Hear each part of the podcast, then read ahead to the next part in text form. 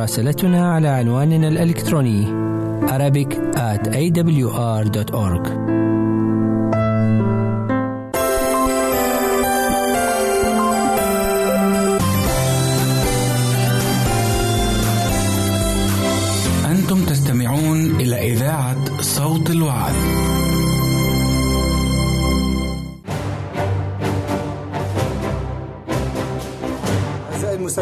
والمستمعات نود أن نعلمكم بتغيير ترددات البث لبرامجنا ابتداء من السادس والعشرين من شهر مارس أذار 2017 على النحو التالي. للجمهورية الليبية سيبدأ البث الصباحي في الساعة السادسة بتوقيت جرينتش بتردد مقداره 11880 بطول 19 كيلومتر.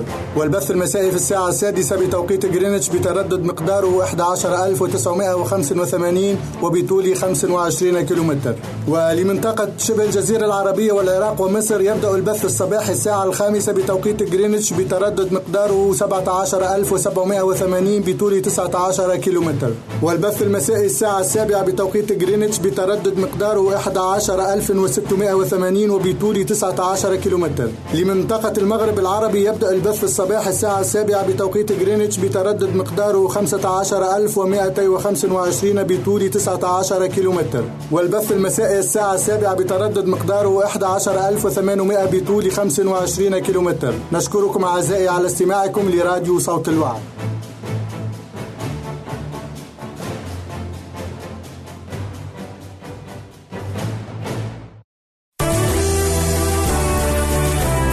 تستمع إلى إذاعة صوت الوعد.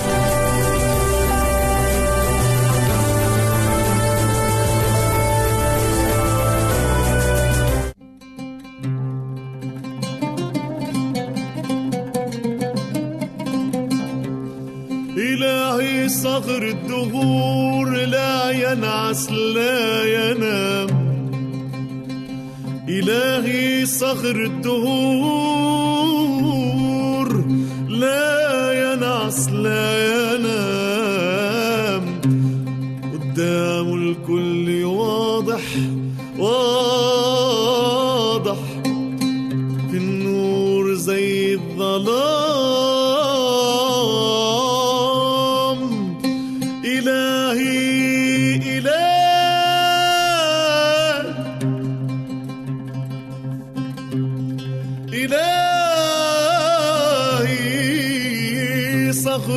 الدور لا ينعس لا ينام.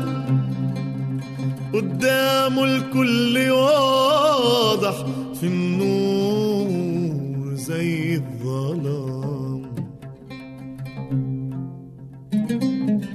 أمور الله عجيبة مواعيد عجب العجاب. يغير الأزمان ويسبب الأسباب. أمور الله عجيبة مواعيد عجب العجاب. يغير الأزمان ويسبب الأسباب. إذا عداني في صخرة يفتح لي ينبع في صخرة وإذا اشتدت مجاعة يبعت خبزي ويا الغراب. إلهي صخر الدهور لا ينعس لا ينام. قدام الكل واضح في النور زي الظلام. وحده والكل يخضع لمجده. ولأني غالي عنده قلبي مليان سلام.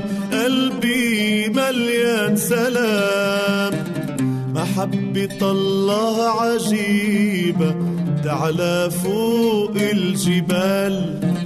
محبة كمان قريبة. ثابتة بكل الأحوال. محبة الله عجيبة تعلى فوق الجبال. محبة كمان غريبة ثابتة في كل الأحوال.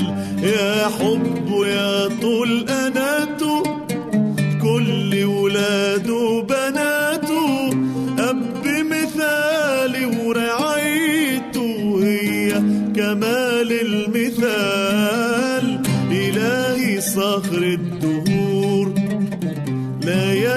ينعس لا ينام. قدامه الكل واضح في النور زي الظلام. والقدرة في إيده وحده والكل يخضع لمجده.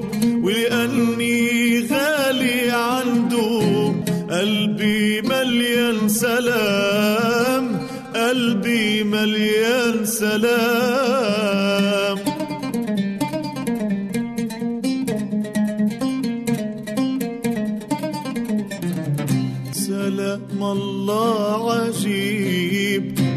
ويبان وسط الخطر تلقى المؤمن يرنم رغم الألم والضرر.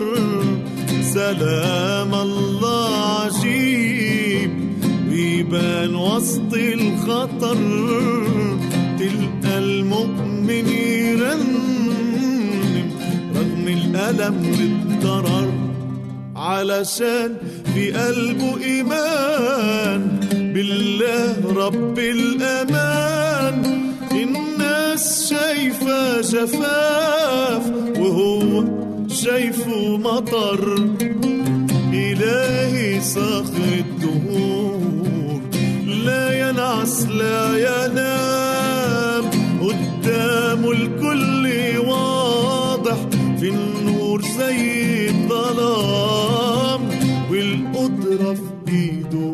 وحده والكل يخضع لمجده ولأني غالي عنده قلبي مليان سلام. قلبي مليان سلام. عزيزي المستمع يمكنك مراسلتنا على عنواننا الإلكتروني Arabic at awr.org لماذا علم السيد المسيح أنه لا يوجد طلاق إلا لعلة الزنا فقط؟ هل هذا تقييدا لحرية الإنسان خصوصا الرجال منهم؟ وماذا عن الحالات التي يستحيل استمرار العشره الزوجية بين الزوجين؟ هذا هو موضوع اليوم فابقوا معنا.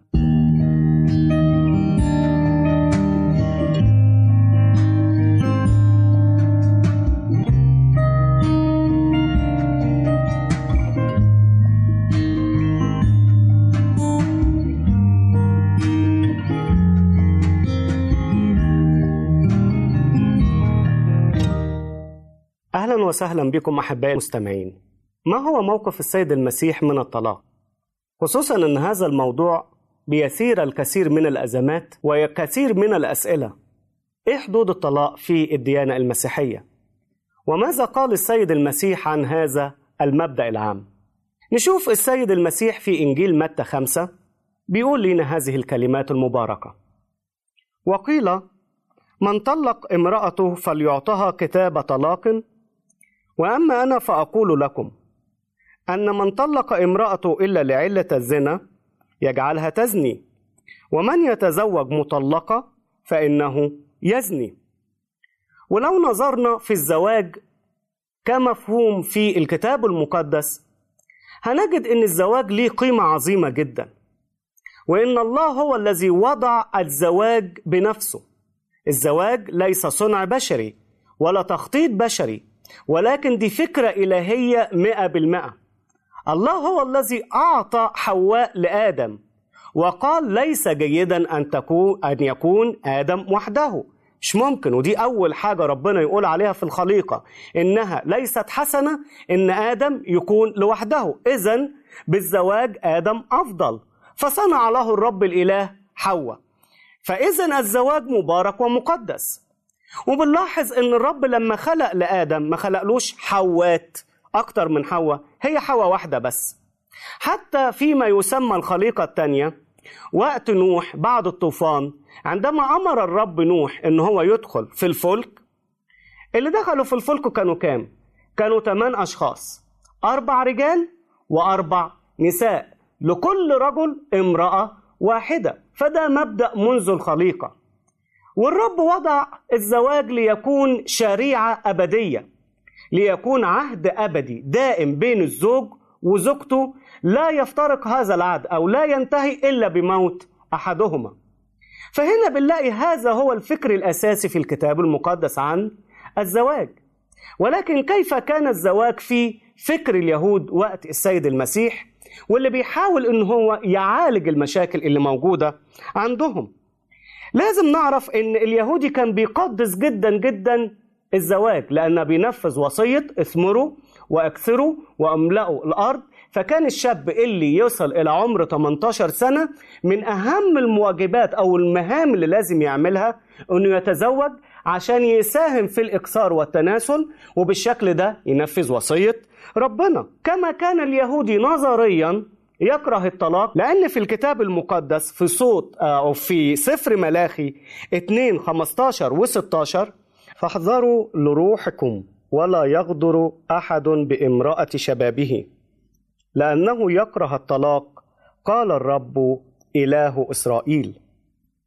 ولأجل ذلك أحبائي الشريعة منعت الشباب إن هم يروحوا التجنيد إذا كان في زواج. فقالوا إن الشاب لو كان متزوج أو الرجل عموما لو كان متزوج يجلس أو يستمر في بيته لمدة سنة كاملة لا يذهب إلى الجندية والسبب لكي يسر امرأته. ما يبقاش رايح الحرب وهو مش عارف راجع ولا لأ وتترمل هي بدري. لأ فالقدسية الزواج جعل الزواج لمدة سنة أكرم بكتير من أنه هو حتى يخرج إلى الجندية. وأصبح الزواج أيضا فرض على المجتمع أن هو يتممه في أوقات معينة. فما كانش من المستحب أن واحد يفضل عازب أو إنسانة تفضل بدون زواج. كان الأفضل جدا بالنسبة للمجتمع أنه يتم الزواج. وحرم الله الزواج المختلط أي أن شعب الله لا يختلط بالشعوب الأخرى. وقال والسبب من كده أنه لا إلا الشعوب الأخرى تأثر سلبيا على شعب الله ويتعلموا منهم الأشياء السلبية. إذا فالنظرية كانت نظرية قيمة جدا. الزواج ليه قيمته ليه احترامه المرأة ليها مكانتها وكل شيء على ما يرام. لكن هل ده كان الواقع فعلا؟ لا ما كانش الواقع. كان التنفيذ العملي شيء آخر تماما. فالتنفيذ العملي نزل هذه العلاقة السامية إلى مراحل متدنية.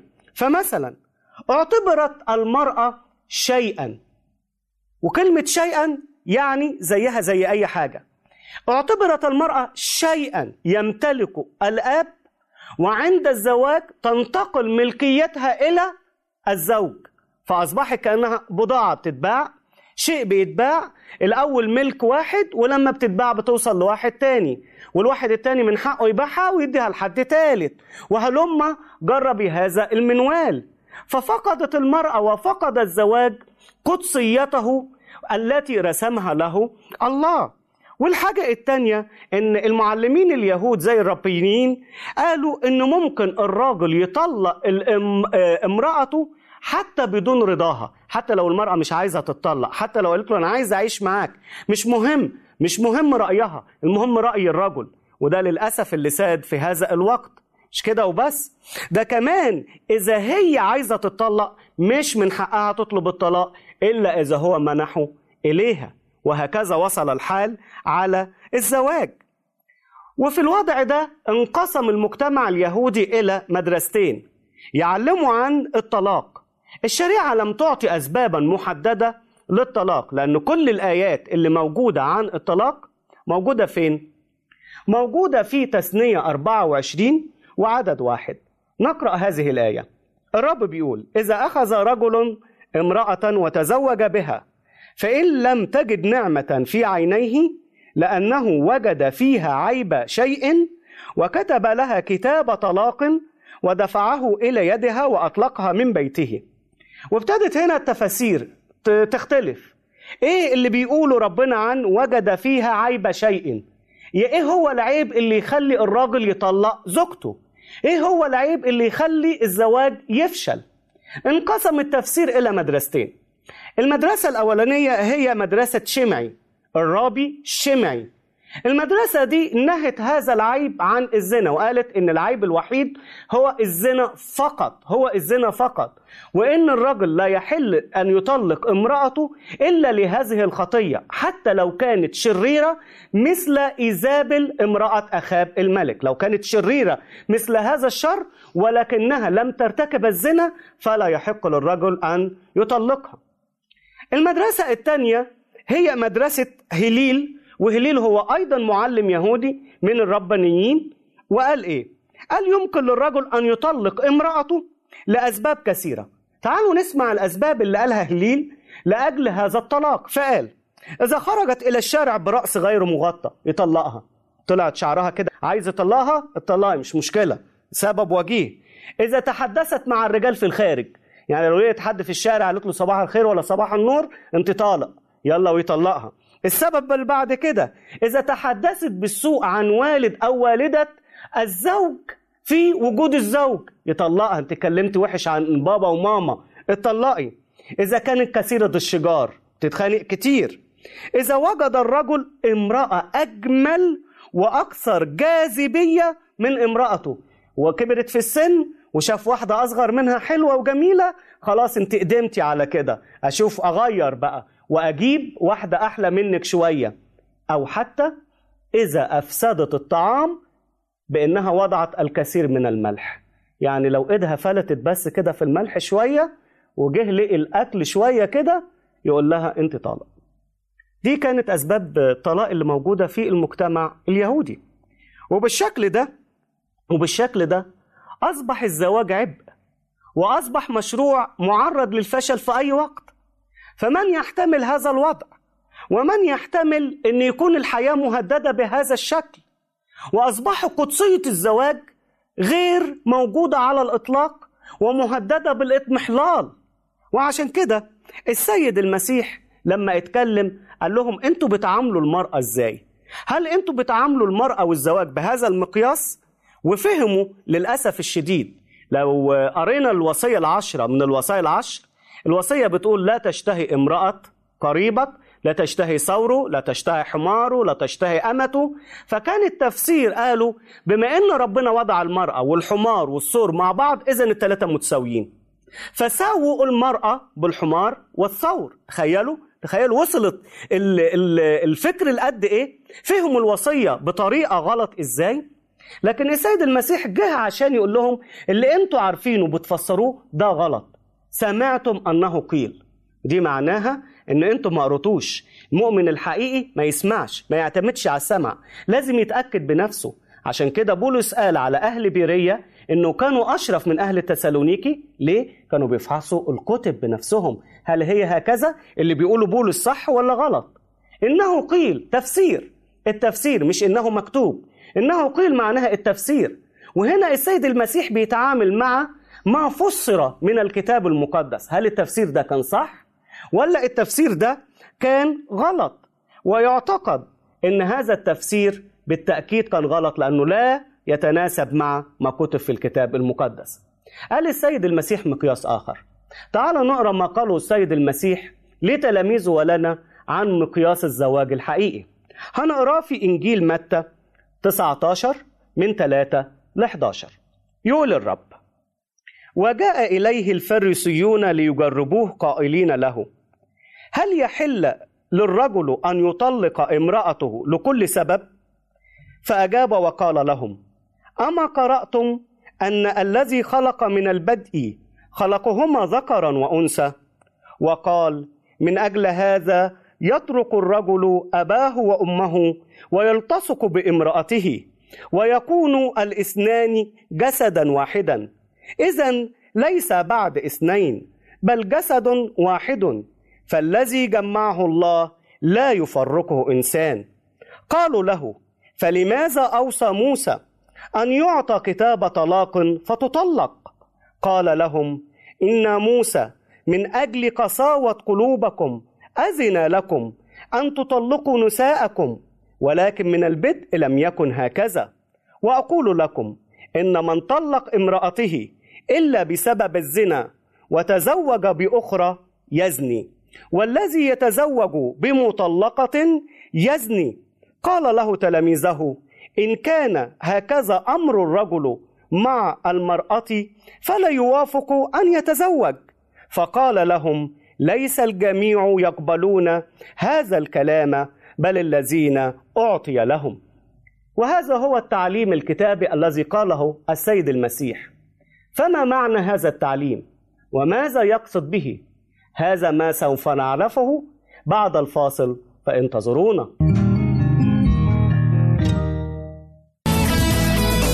نحب أن نسمع منك. راسلنا على البريد الإلكتروني Arabic at awr.org نحن ننتظر رسائلكم واستفساراتكم. أنت تستمع إلى إذاعة صوت الوعد.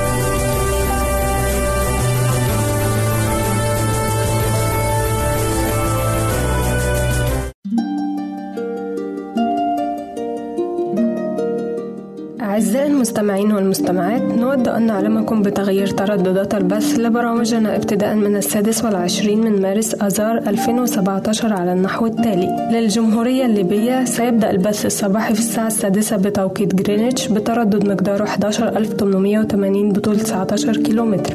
والبث المسائي في الساعة السادسة بتوقيت جرينتش بتردد مقداره 11985 وبطول 25 كيلومتر. ولمنطقة شبه الجزيرة العربية والعراق ومصر يبدأ البث الصباحي الساعة الخامسة بتوقيت جرينتش بتردد مقداره 17780 بطول 19 كيلومتر والبث المسائي الساعة السابعة بتوقيت جرينتش بتردد مقداره 11680 وبطول 19 كيلومتر. لمنطقة المغرب العربي يبدأ البث الصباحي الساعة السابعة بتوقيت جرينتش بتردد مقداره 15225 بطول 19 كيلومتر والبث المسائي الساعة السابعة بتردد مقداره 11800 بطول 25 كيلومتر. نشكركم أعزائي على استماعكم لراديو صوت الوعد.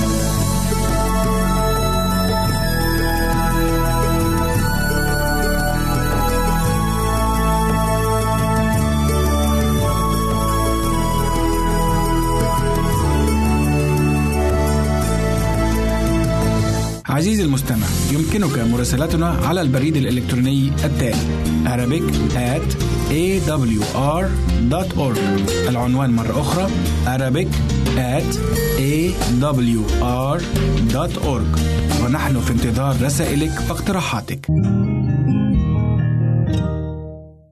أهلا وسهلا بكم أحبائي المستمعين. قبل الفاصل اتكلمنا عن موقف السيد المسيح من الطلاق وإعادة الزواج. وقلنا إن السيد المسيح وبخ ال- اليهود على الأشياء والتقاليد والعادات اللي كانوا بيمارسوها خاطئة في الزواج والتي لا تتفق مع كلمة الله إذا عندما ننظر إلى الكتاب المقدس ما هي وجهة نظر الكتاب المقدس عن الطلاق وإعادة الزواج؟ إيه هي الحالات التي ينبغي فيها الانفصال أو يسمح فيها بالانفصال؟ أول حالة يا أحبائي هي الوفاة، ده شيء طبيعي. لو قرينا في روميا 7 2 و 3 بيقول الكتاب: فإن المرأة التي تحت رجل هي مرتبطة بالناموس بالرجل الحي، ولكن إن مات الرجل فقد تحررت من ناموس الرجل. فإذا ما دام الرجل حيا تدعى زانية إن صارت لرجل آخر. ولكن إن مات الرجل فهي حرة من الناموس حتى أنها ليست زانية إن صارت لرجل آخر. ودي الحالة دي متفق عليها. ففي حالة الوفاة أو بعد الوفاة يصبح شريك الحياة الحر الحي له الحق في أن يتزوج مرة أخرى. وده حق استخدمه كثير من القديسين وكثير من الأنبياء بعد موت زوجاتهم مثل أبينا إبراهيم بعدما ماتت سارة تزوج بقطورة وأنجب منها أطفال. فهذا شيء مقبول أن بعد الوفاة يتزوج الطرف الآخر. إن أراد ذلك يحل له أو لها بدون أي مانع شرعي. طيب نيجي للحالة الثانية الحالة الثانية أيضا هي الحالة المعروفة وهي حالة الزنا. الحالة الثانية هي حالة الزنا. وحالة الزنا لا خلاف عليها أيضا. ولكن عايزين نلاحظ شيء. إن مش معنى إن السيد المسيح قال إنه يحل للرجل إنه يطلق امرأة لو ارتكبت خطية الزنا أو للمرأة إنها تطلق من زوجها إذا ارتكب خطية الزنا إن إجبار على الشخص البريء إنه يطلب الطلاق. لا الأفضل بكتير إن الشخص البريء يسامح ويغفر ويدي فرصة تانية لعل الشخص المذنب يرجع ويتوب وينقذوا حياتهم وينقذوا زواجهم مرة أخرى. ولكن في حالة إن لم يستطيع الشخص البريء احتمال ذلك وكان ده أصعب من الاحتمال وكانت الثقة اتفقدت أو انعدمت فمن الأفضل كتير إن الشخص يطلب الانفصال.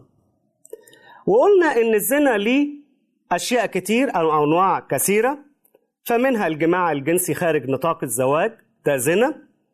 المثلية اللي هو ما يعرف بالشذوذ الجنسي رجل مع رجل أو امرأة مع امرأة. فهذا أيضا خيانة زوجية ويجوز للطرف الآخر أن يطلب الطلاق إن لم يستطيع الاستمرار. وهناك أيضا للأسف ما يعرف بالجنس الإلكتروني. دي حاجة جديدة دخلت مع التكنولوجيا. فكما أن التكنولوجيا أشياء مفيدة كتير ولكن سوء الاستخدام أيضا أنه بيتم ممارسة الجنس من خلال الإنترنت فهذا الشيء أيضا ممكن يتم وإن اكتشفوا الشخص الآخر ففي كلا الحالات بيكون خيانة للشخص البريء. وكما قلنا أيضا لو في مضاجعة حيوانات أو مثل هذه الأشياء الدنسة تكون من أنواع الزنا.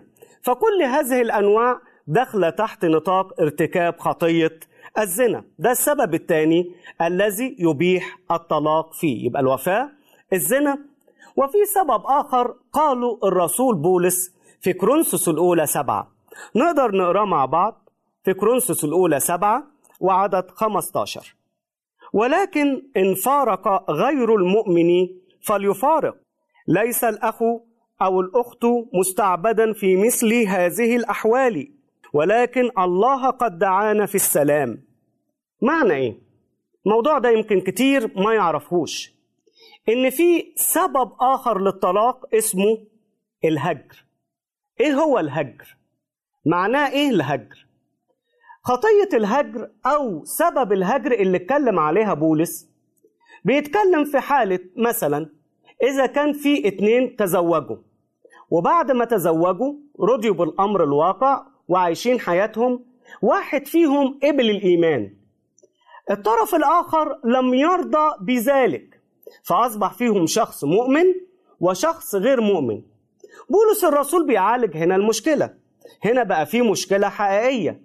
فالشخص غير المؤمن بيقول لا إذا عايز زواجنا يكمل إذا عايز زواجنا يتم يبقى لازم ترجع عن الإيمان اللي أنت رحت فيه تسيب السيد المسيح وترجع للحياة اللي أنت كنت موجود فيها وإلا نفترق عن بعض. طب إيه الحل للمشكلة دي؟ نلاحظ هنا يا أحباء إن الكلام ليس موجه إلى الشخص المؤمن بقدر ما هو موجه إلى الشخص غير المؤمن. فاللي بيختار ليس المؤمن لأن الكتاب واضح إن المؤمن عليه إنه يرضى بكل الأحوال اللي هو فيها. فهو مؤمن وتزوج أو كان متزوجا قبل إيمانه بغير مؤمنة يتظل هذه المرأة معه ولا ينفصل عنها إلا إذا هي طلبت ذلك.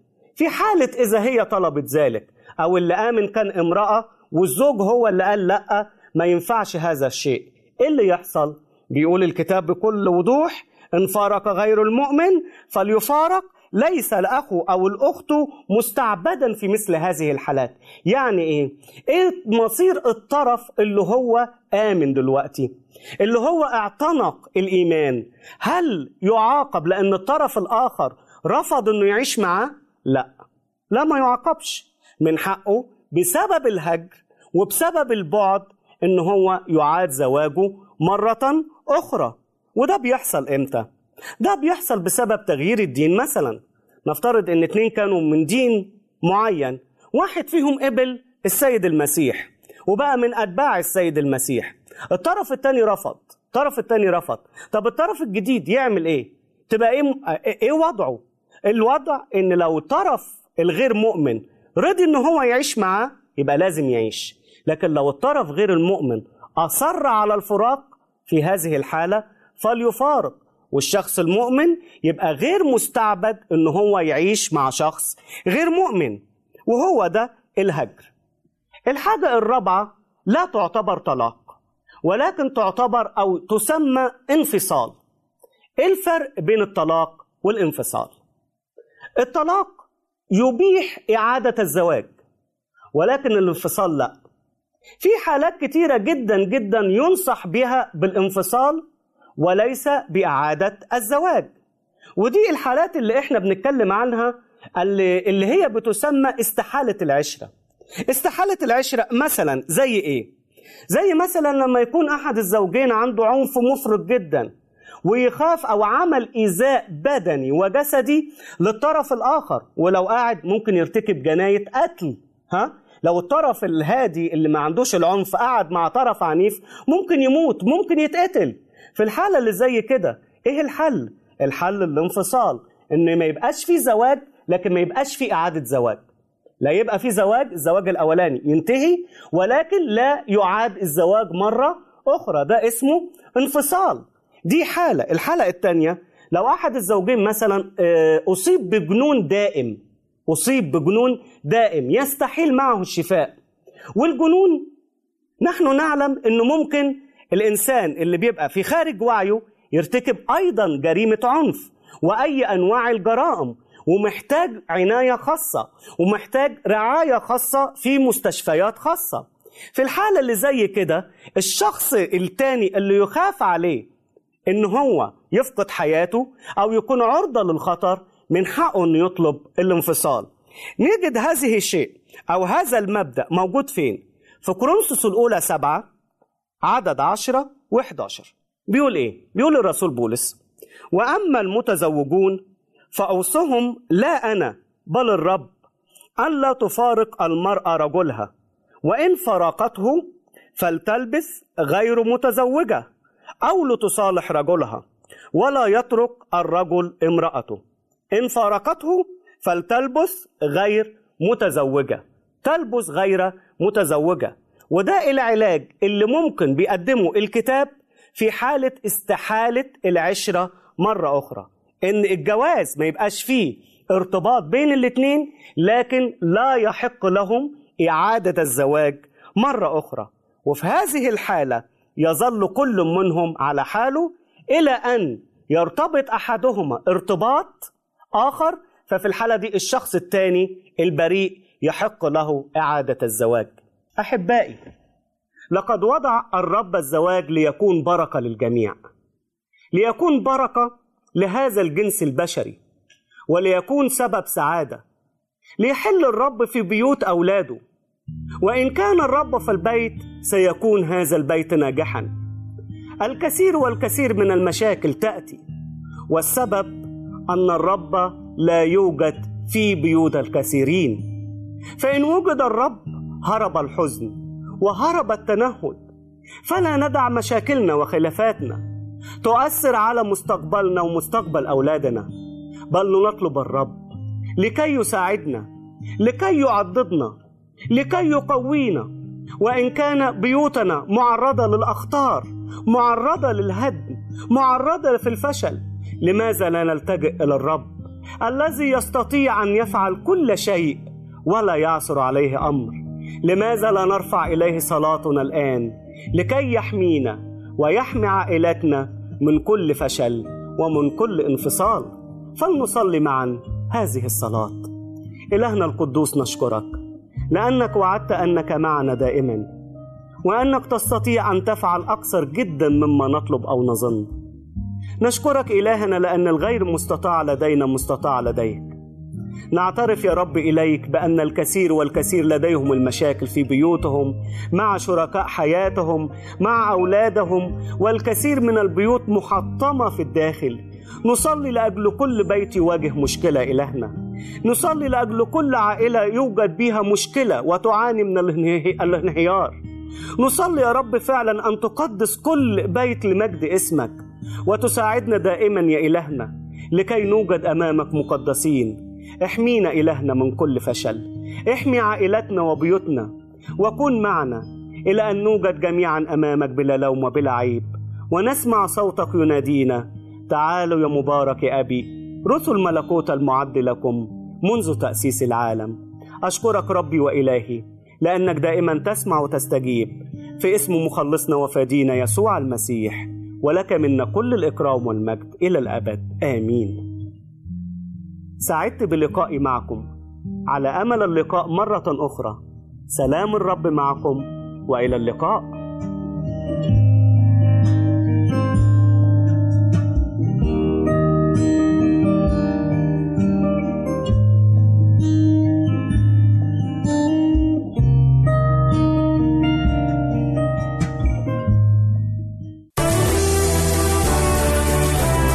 تستمع إلى إذاعة صوت الوعد.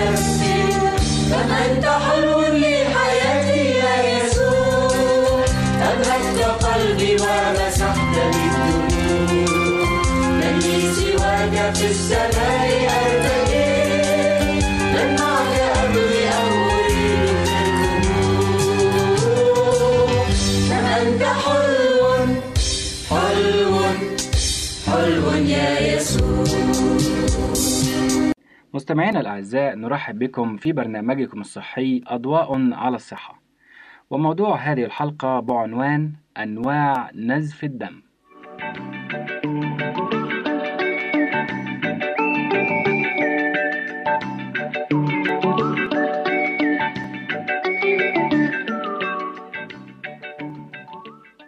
تحدثنا في حلقات ماضية عن الجروح وسنتحدث اليوم عن النسف المصاحب للجروح أو غير المصاحب لها. والنسف ثلاثة أنواع بوجه عام. أولا النزف الخارجي. في النزف الخارجي تتسرب الدماء إلى الخارج وذلك عندما تتمزق مجموعة من الأنسجة نتيجة جرح أو سحق. أما في النسف الداخلي فيتسرب الدم من أوعية الدم إلى الأنسجة أو إحدى تجويفات الجسم. وقد ينزف الشخص حتى الموت. نتيجة نزف داخلي حتى ولو لم تتسرب نقطة دم واحدة إلى الخارج. وقد يخسر المرء حوالي لتر ونصف من الدماء ويظل مع ذلك حيا. ولكن إذا قطع شريان كبير وكان النزف سريعا فإن كمية الدم هذه لا تستغرق خسارتها وقتا طويلا. ولذلك يجب أن تكون معالجة النزف فورية. دلائل عامة على النزف. عندما يخسر الجسم كمية كبيرة من الدم تحدث علامات وأعراض معينة منها الإغماء والعطش المفاجئ والدوار والرطوبة والبرودة في الجلد والتنفس السريع والقلق والنبض السريع والضعيف وغير المنتظم. وأخيرا تضخم بؤبؤي العينين. وفي بعض الأحيان تكون الصدمة فضلا عن العلامات المذكورة أعلاه. وتكون هذه الصدمة هي الدليل الوحيد على النسف الداخلي. في حالة تقديم المساعدة لشخص مصاب بالنزف الخارجي يفحص الشخص المصاب في أقرب وقت ممكن لتحديد ما إذا كان قد خسر دما. وتنزع الثياب عن أجزاء الجسم التي يرى الدم ينزف من خلالها كما يتوجب اتباع الخطوات التالية. أولا اضغط ضغطا مباشرا على موضع النزف. ضع كمادة شاش معقمة مغسولة أو فوطة صحية نظيفة أو قطعة قماش مغسولة حديثا على الجرح وثبتها. ولا تضغط إلا بالقدر الكافي لإيقاف النزف لأن الإفراط في الضغط قد يعيق سريان الدم في أجزاء الجسم الأخرى. فإذا أوقف الضغط النزف ضع ضمادة على الكمادة لتثبيتها في مكانها حتى وصول المصاب إلى المستشفى. لكن عندما لا يؤدي الضغط إلى السيطرة على النزف اتبع التعليمات التالية.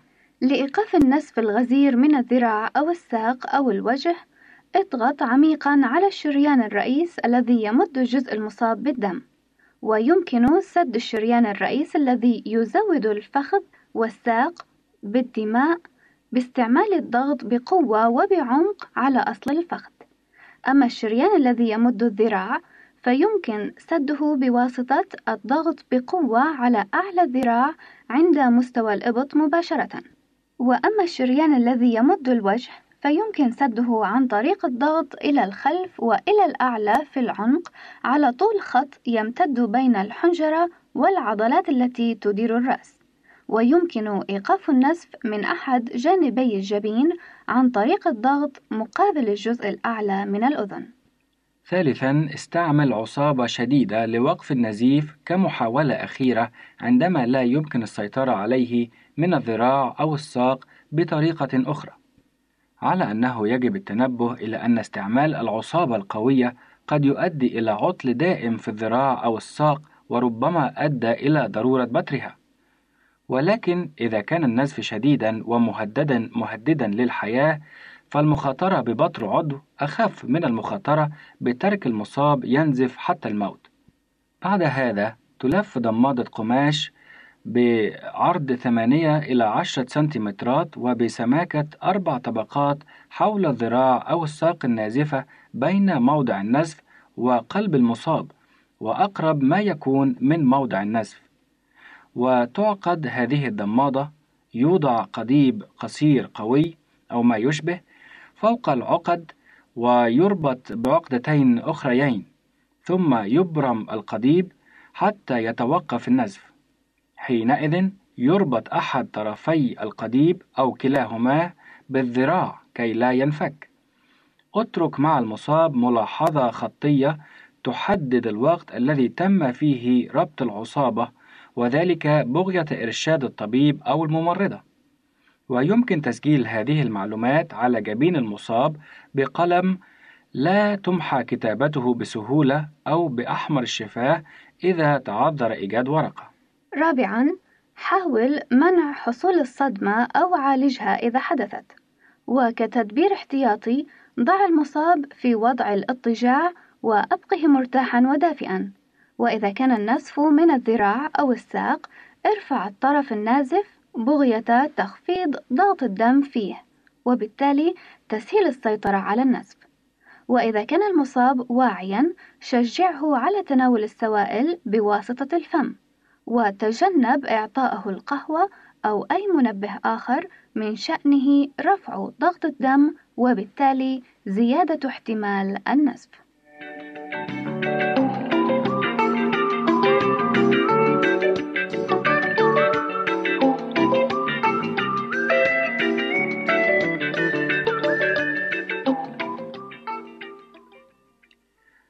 ثانيا النزف الداخلي. ينتج النزف الداخلي من أذى أو انفجار يصيب أحد أعضاء الجسم الداخلية مثل الكبد أو الطحال أو من انفجار قناة البيض. كما هو الحال في الحمل البقي. أو من قطع أحد أوعية الدم نتيجة الإصابة بطلق ناري مثلا.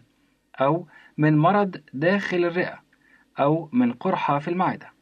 ومع أن العديد من أشكال النزف الداخلي لا تقدم دليلا خارجيا على حدوثها إلا أن بعضها يؤدي إلى تجمع الدم في داخل الجسم قبل أن يطرد لاحقا من خلال إحدى فتحاته.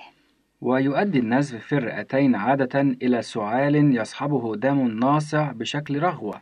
كما أن النزف داخل المعدة قد يشير إليه تقيؤ دم أحمر إذا كان النزف حديثا أو أسود متخثر إذا كان قديما. أما النزف داخل الأمعاء فقد يدل عليه البراز الأسود.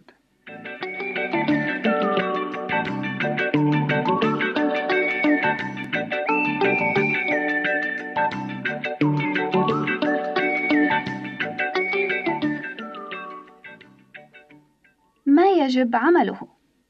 تقوم المعالجة الطارئة على العناية بالمريض حتى حضور الطبيب علما بأنه ليس هناك علاج ملائم للنزف الداخلي الحاد غير الجراحة في أغلب الأحيان. وينبغي أن يظل المصاب دافئا بينما ترفع قدماه وسقاه فوق مستوى جسمه إذا كانت صدمته حادة.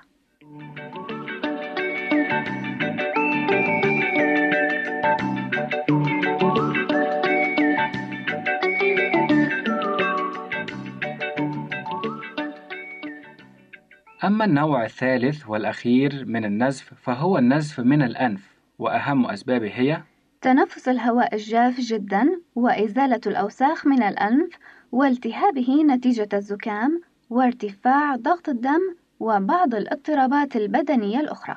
ولا يعتبر النزف من الأنف إذا أصاب شابا سليما أمرا خطرا في العادة ولكن إذا أصاب شخصا مسنا أو ضعيفا فإنه قد يشكل تهديدا للحياة. ويتوقف النزف عادة في غضون دقائق قليلة إذا عولج بطريقة مناسبة أما في الحالات المستعصية فقد يستمر طوال ساعات ويتطلب نقل الدم وربط الأوعية النازفة بعملية جراحية. ما يجب عمله؟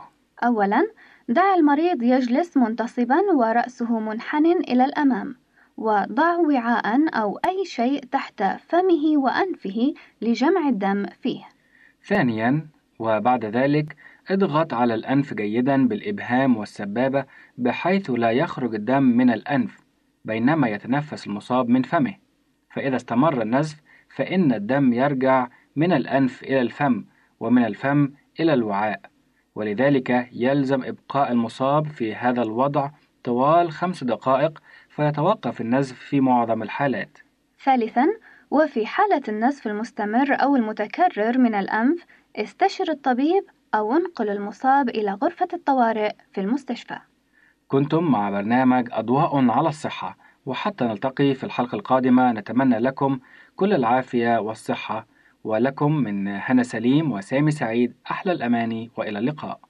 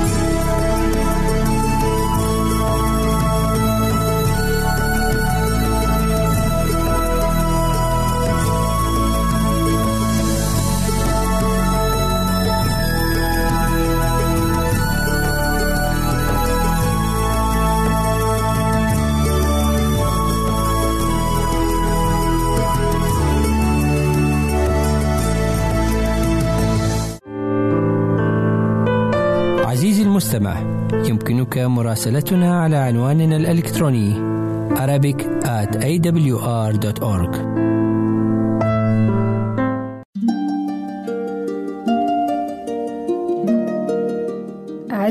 المستمعين والمستمعات نود أن نعلمكم بتغيير ترددات البث لبرامجنا ابتداء من السادس والعشرين من مارس آذار 2017 على النحو التالي. للجمهورية الليبية سيبدأ البث الصباحي في الساعة السادسة بتوقيت جرينتش بتردد مقداره 11880 بطول 19 كيلومتر. والبث المسائي في الساعة السادسة بتوقيت جرينتش بتردد مقداره 11985 وبطول 25 كيلومتر. ولمنطقة شبه الجزيرة العربية والعراق ومصر. يبدأ البث الصباحي الساعة الخامسة بتوقيت جرينتش بتردد مقداره 17780 بطول 19 كيلومتر. والبث المسائي الساعة السابعة بتوقيت جرينتش بتردد مقداره 11680 وبطول 19 كيلومتر. لمنطقة المغرب العربي. يبدأ البث الصباحي الساعة السابعة بتوقيت جرينتش بتردد مقداره 15225 بطول 19 كيلومتر. والبث المسائي الساعة السابعة بتردد مقداره 11800 بطول 25 كيلومتر. نشكركم أعزائي على استماعكم لراديو صوت الوعد.